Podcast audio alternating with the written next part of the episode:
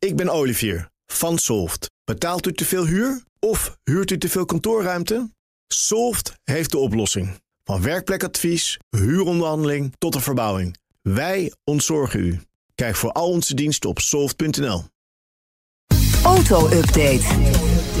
Toet toet, auto-update met Nout Broekhoff van de Nationale Autoshow. Goedemorgen Nout. Goedemorgen, hoi. Ja, we hebben het er al over gehad, maar er zijn extra miljarden nodig. N- 9 miljard minimaal voor het stimuleren van elektrische auto's. Zo. Ja, Ja, ja dat is even binnenkomen op ja we zagen natuurlijk al een beetje de verkoop eh, enigszins eh, teruglopen, zo niet instorten. hè. Ja. Door de verhoogde BPM hebben we al een paar keer eh, voor gewaarschuwd. Ja, in principe, de MRB gaat pas over Ja. twee jaar Nee, de omhoog. bijtelling had ja, ik het over. Ja, de bijtelling die steeds verder wordt aangepast. Ja, dit is een pleidooi van de Mobiliteitsalliantie. 26 eh, ehm, organisaties in de mobiliteit. En eigenlijk is het een breder voorstel. Het gaat over duurzame mobiliteit, een transitiefonds daarvoor. Want er komt geld uit het Klimaatfonds om die transitie in de mobiliteit te maken. Maar dat is niet toereikend, zeggen deze partijen. Er moet uitgebreid worden met een, met een fonds. Ja, dit is daar dan onderdeel van om ook eh, die elektrische auto te stimuleren. Er zitten wel wat eh, concrete eh, gedachten achter. Bijvoorbeeld, ze pleiten voor een gewichtscorrectie voor elektrische auto's. Over twee jaar komt die MRB erop. Precies. En elektrische auto's zijn nou eenmaal veel zwaarder. Ja, echt MRB veel zwaarder. Veel, ja, ze 600 kilo soms wel. Ja.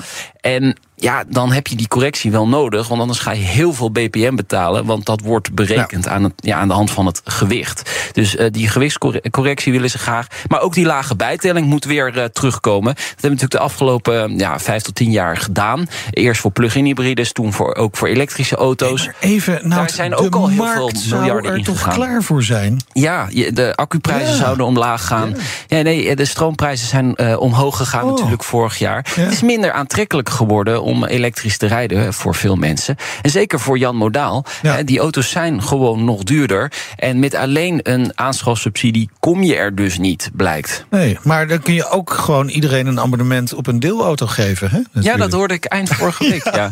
Bij GroenLinks had dat Ja. voorstel, ja. Ja, is laten niet in meerderheid aangenomen. Nee, dat, gaan, eh, dat wordt GroenLinks eh, laten liggen. Ook nog wel leuk eh, in, in het voorstel, ja, we moeten de auto niet meer als melkkoe zien. Maar dat zeggen we ook Nee. al heel erg lang. Hè? Dus eh een kwartje van kok kregen we ook nog terug. Hè? Ja, die reactie zag ik ook al voorbij komen. ik heb hem ergens in mijn agenda gezet. Ja. Eh, vanochtend hadden jullie het met eh Han de Jonger over dat eh, die eh, inflatie loopt Ja. weer op. Ja. Nou ja, de benzineprijzen gaan gewoon weer omhoog. Ja. Natuurlijk, dat was een verlaging een tijdelijke, die is langer doorgetrokken.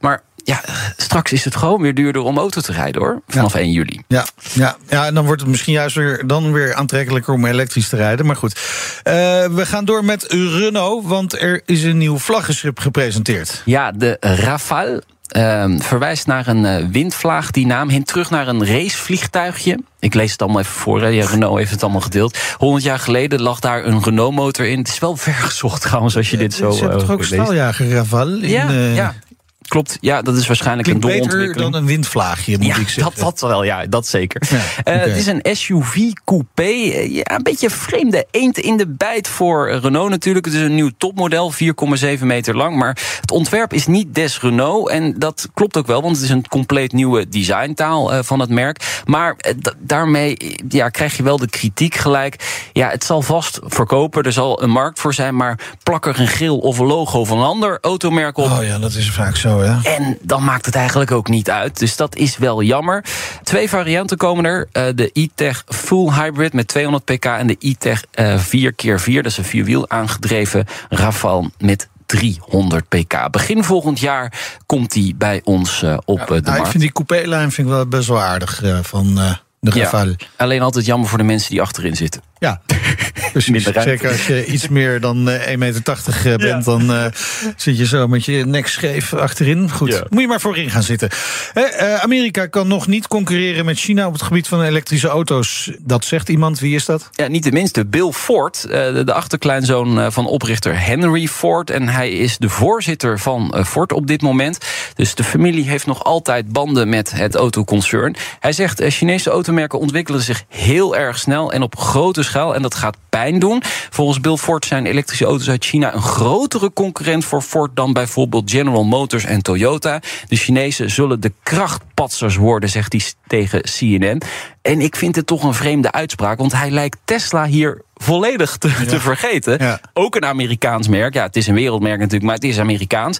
Het merk dat eh, ja, de markt voor elektrische auto's natuurlijk flink heeft opgeschud. Dus Ja. Bill Ford eh, heeft het niet helemaal goed Ja, over, gezien, over straks volgens mij. dit weekend bij onze vrienden van Petroheads op hun Twitterkanaal wel een aardig filmpje. Een uitleg over hoe de verkoopcijfers van Chinese elektrische auto's tot stand komen.